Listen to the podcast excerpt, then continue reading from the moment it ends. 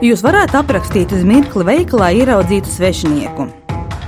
Kādā krāsā ir viņa acis, cik vecs viņš ir, vai viņam ir bārda, kas viņam ir mugurā, kādā krāsā bija viņa jaka, tumša vai gaiša, cik viņa ir gara.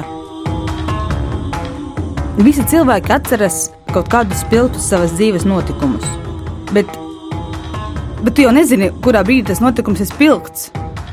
Pēc desmit minūtēm, kad tu būsi izgājis no veikala, tur notiks slepkavība, un tas būs ļoti spilgts notikums. Tu jau tajā brīdī tā nedomā. 2009. gada 20. janvārī Salkalnē veikalā tika atrasta nogalināta pārdevēja. Viņai bija pārgriezta rīkle un vairākas citas durtas brūces. Policija sāka, protams, kriminālu procesu, un apmēram pēc mēneša tika aizturēts uz to brīdi 26 gadus vecs Aleksējs Šarovs. Viņš policijai uzrakstīja vaļsirdīgu atzīšanos, un pirmā instance viņu atzina par vainīgu un notiesāja uz brīvības atņemšanu uz 15 gadiem. Ārkārtīgi reti ir gadījumi, kad par slepkavību apsūdzētajam viena tiesa piespriež bargu cietumsodu, bet otra pilnībā attaisno. Tāds notika pirms divām dienām, kad augstākā tiesa lēma tiesas zālē atbrīvot vīrieti, kurš apsūdzēts par Saukalnas veikalu pārdevējas slepkavību. Ir pagājuši jau desmit gadi, bet neviens cits šī noziegumā nav apsūdzēts. Mani sauc Zane Mače, un šis ir Latvijas radio ziņu dienesta krimināla stāsts. Slepkava brīvsolī.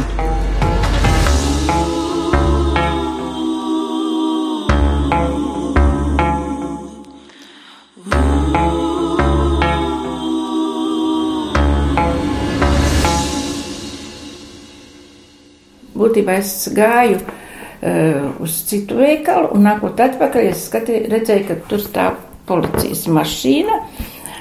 Es pat nepiegāju klāt, vienkārši atnācu prom, pēc tam uzzināju, ka viņai nodurta nāzi. Ausma un nogalinātā Zinaida ilgus gadus dzīvoja kaimiņos. Tā kā jau sevišķi jau, ka viņi sāk strādāt, tad jau tā visi gāja, tur tāds labs, tā labs tas kioskiņš bija, un bija viss tur, tur bija mēza gaļa, un, un visi tādi sausie produkti, un iedzeramais arī tur bija, tad jau tie veči tur gāja un pirka. Un... Atcerieties, kas te šarva lietā to veikalnieci atrada to līķi? Tie pircēji kādi iegāja un iegāja? Jā. Atis Krievs, advokāts. Nu, tur bija iegājuši, vai ne? Nu, tur asins Jā. pa, pa visām malām. Un... Viņš aizstāvēja vīrieti, kuru vēlāk apsūdzēja šajā noziegumā. Sieviete guļpeļķītē. Bēgt. Tā kā uz vietas bija nomušīta un ar to viss beidzās.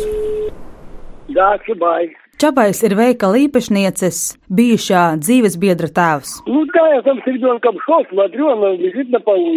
Viņš atrada pārdevēju mirušu un izsauca policiju. Bet es nevaru, man, man, es līdz šobaldienai nevaru saprast. Dienas laikā tas kaut kur laikam 11. bija. Un varbūt saka, var pateikt, kā jūs sauc? Pareizi Tatjana Stikānā, vienkārši Jāna. Arī viņas ar nogalināto zinēju bija draudzenes. Viss mājas pretim ceļ, cilvēki iet, kā var cilvēku nogalināt. Nu, tur moments. Nu, ja kur tas cilvēks pazuda, tas, tas bandīts? Kur viņš pazuda? Nu, protams, tur runāja visi par to, un katrs izteica savus spriedumus, un visi bija nu, šokā, var teikt, pilnīgi šokā, ka tādu cilvēku ne no šā, ne no tā vienkārši šajā mazā ciematiņā var ienākt viens svešs cilvēks un ne par ko nogalināt. Es tajā laikā strādāju portālā, biju krimināla ziņu reportiere, un es spilgti atceros preses konferenci, kurā policija runāja par šo noziegumu.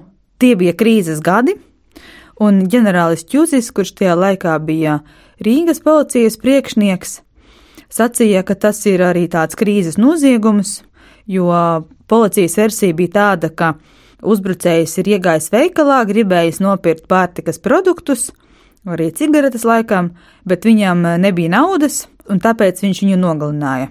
Es tev filmēšu, otru šito te, šitā es pielikšu kameru, labi? es atradu vienu vecu sižetu, kuru bija filmējuši Krimināla LV.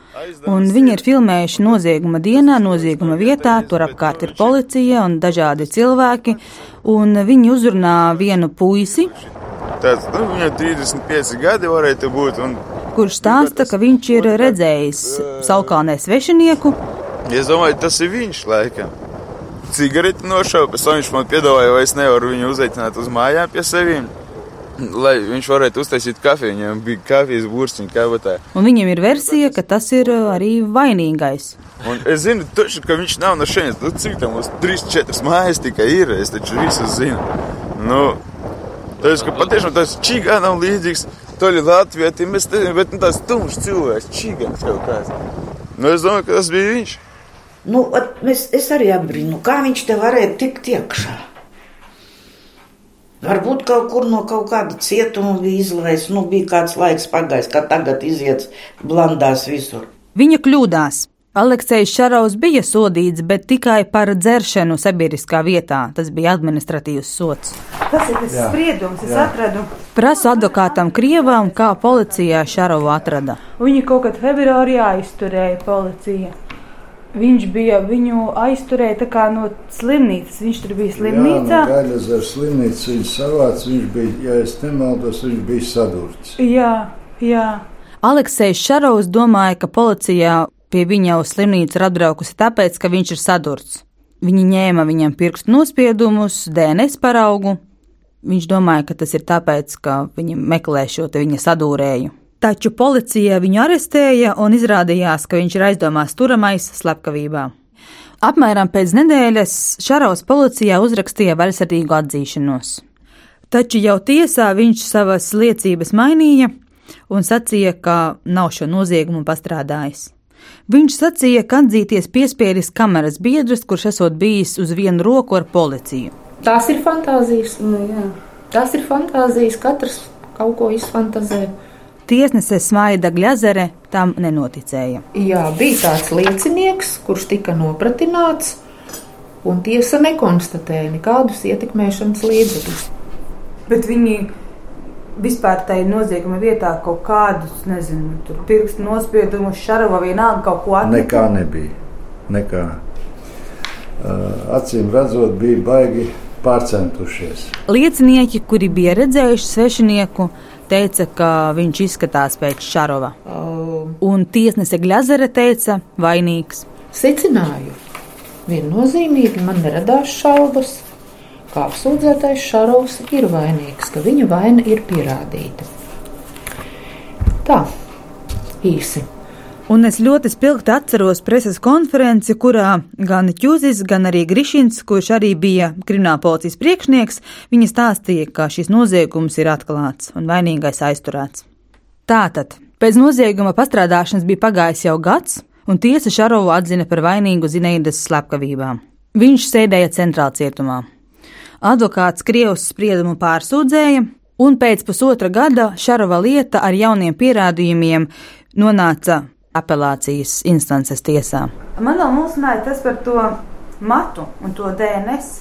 Es saprotu, ka uz līķa starp pirkstiem atrada matu, Jā. kur DNS sakrit ar kaut kādu DNS citā lietā, ko skatīja jūrmā. Kas jūrmalā bija? Jā, es nezinu, vai jūrmalā skatīja to lietu vai neskatīja, bet katrā ziņā uh, tas DNS sakrīt ar DNS jūrmalā kur arī bija uh, smagi miesas bojājumi, vai kaut kāda laupīšana, vai kaut kas tamlīdzīgs. Patiesībā tur bija slepkavība, pārkāpjot pašaizsardzības uh, robežas. Un tas DNS uh, no tiem pāris matiem, kas pārdevējai bija rokā palikuši, tie noteikti nebija šarauvi. Viennozīmīgi to ekspertīzi pateica. Tas arī bija viens no iemesliem, kāpēc to pirmās instances spriedumu atcēla. Nu jā, un tad uh, Šaros nosēdēja cietumā trīs gadus, nu, nedaudz vairāk kā trīs gadus. 2012. gada oktobrī viņš tika atbrīvots. Nevarēja saprast, vai viņu attaisnoja, tāpēc, ka arī policijā tajā laikā bija krīzes gadi, varbūt tās bija štatu mazāk un, un, un citas lietas, ka viņi vienkārši nespēja kaut ko pierādīt līdz galam, vai arī nu, tiešām tas cilvēks nav bijis vainīgs. Ik pa brīdim vienkārši policijai zvanīja, prasīja, vai viņiem ir nu, kaut kāds jauns aizdomās turamais, jo likums saka, ka to pašu cilvēku vēlreiz par to pašu noziegumu pie krimināla atbildības saukt nevar, jo pat ja, teiksim, izrādītos, ka tomēr tas bija Šarovs, viņu vairs notiesāt nevar. Un tad vēl lieta, arī apelācijas instance, taisnojot, viņi saka tā, ka pierādījumu trūkuma dēļ viņa attaisno. Prasu tiesnesēji Glazerē. Tātad pastāv iespēja, ka viņš ir izdarījis noziegumu, bet vienkārši trūkst pierādījumu. Tā es pareizi saprotu. Jā, ja lietā trūkst pierādījumu, attiecīgi tiesa motivē tos pierādījumus, kādi ir lietā, un ja secina, ka šie pierādījumi nav pietiekami, tad ir jātaisno. Cita ceļa nav. Augstākā tiesa šodien attaisnoja Salkalnes veikala pārdevējas slepkavībā apsūdzētu vīrieti. Tiesa atbrīvoja apsūdzēto turpat tiesas zālē. Kā Latvijas radio pastāstīja augstākās tiesas pārstāve Baiva Kataja, vīrietis attaisnots pierādījumu trūkuma dēļ. Pārbaudot visus pierādījumus lietā, nopratinot uh, trīs lieciniekus un papildus apelācijas instances tiesā pieprasot arī ziņas no DNS nacionālās datubāzes, tiesa nonāca pie secinājuma, kad nav pierādīta um, apsūdzētā vaina, un tāpēc uh, tiesa atcēla Rīgas apgabaltiesas notiesājošo spriedumu un atzina Aleksei Šarovu par nevainīgu pret viņu celtajā apsūdzībā. Pirms attaisnojošā sprieduma Aleksējs Šarovs trīs gadus pavadīja cietumā. Un es gribu saprast, kurš ir atbildīgs par to, ka iespējams nevainīgs cilvēks tik ilgi atradās apcietinājumā. Un tas ir tā kā uz prokuratūras sirdsapziņas visdrīzāk. Prokuratūra šo jautājumu nekomentē, viņi vispār atteicās runāt par šo lietu. Un es jautāju tiesnesēm. Nu, jāmeklē tas pirmsākums, acīm redzot, sākot no krimināla lietas ierosināšanas. Bet kā jums šķiet, izmeklēšanas kvalitāte bija nu, atbilstoša? Šobrīd par lietas izmeklēšanas kvalitāti nevaru neko pateikt, bet ja reiz augstākās tiesas senāts par to ir pateicis, tad tā tas arī ir.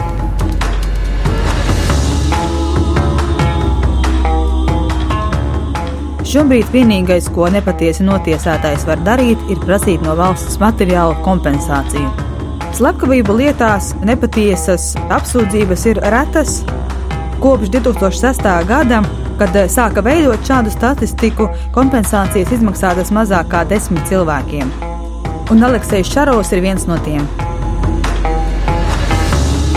Un ir svarīgi saprast, kā var būt divi tik ļoti radikāli atšķirīgi tiesu lēmumi. Viens saka, ka ir vainīgs, otrs attaisno, sakot, ka nepietiek pierādījumu, lai notiesātu.